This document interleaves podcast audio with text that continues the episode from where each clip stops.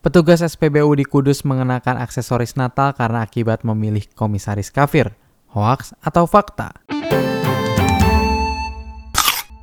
Anda sedang mendengarkan Bern Report Hoax atau Fakta bersama saya Bernhard Faras.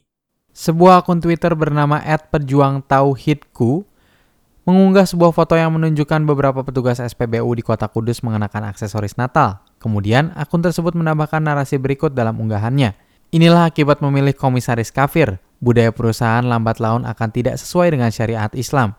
Hashtag Khilafah will be back, hashtag Muslim United with Khilafah, hashtag Khilafah bukan radikalisme, hashtag tolak atribut Natal. Informasi tersebut adalah keliru.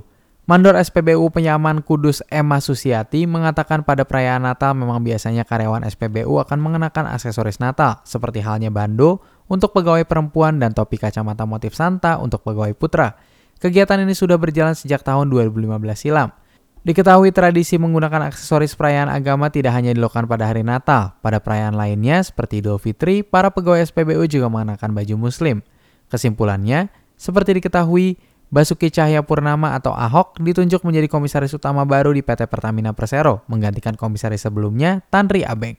Konten yang diunggah oleh ad pejuang Tauhidku menyesatkan. Akun tersebut mengunggah foto peristiwa pada tahun 2015 yang dikaitkan dengan dilantiknya Basuki Cahaya Purnama sebagai komisaris utama Pertamina. Informasi ini sudah dikonfirmasi oleh media Turnback Hoax dan Cek Fakta.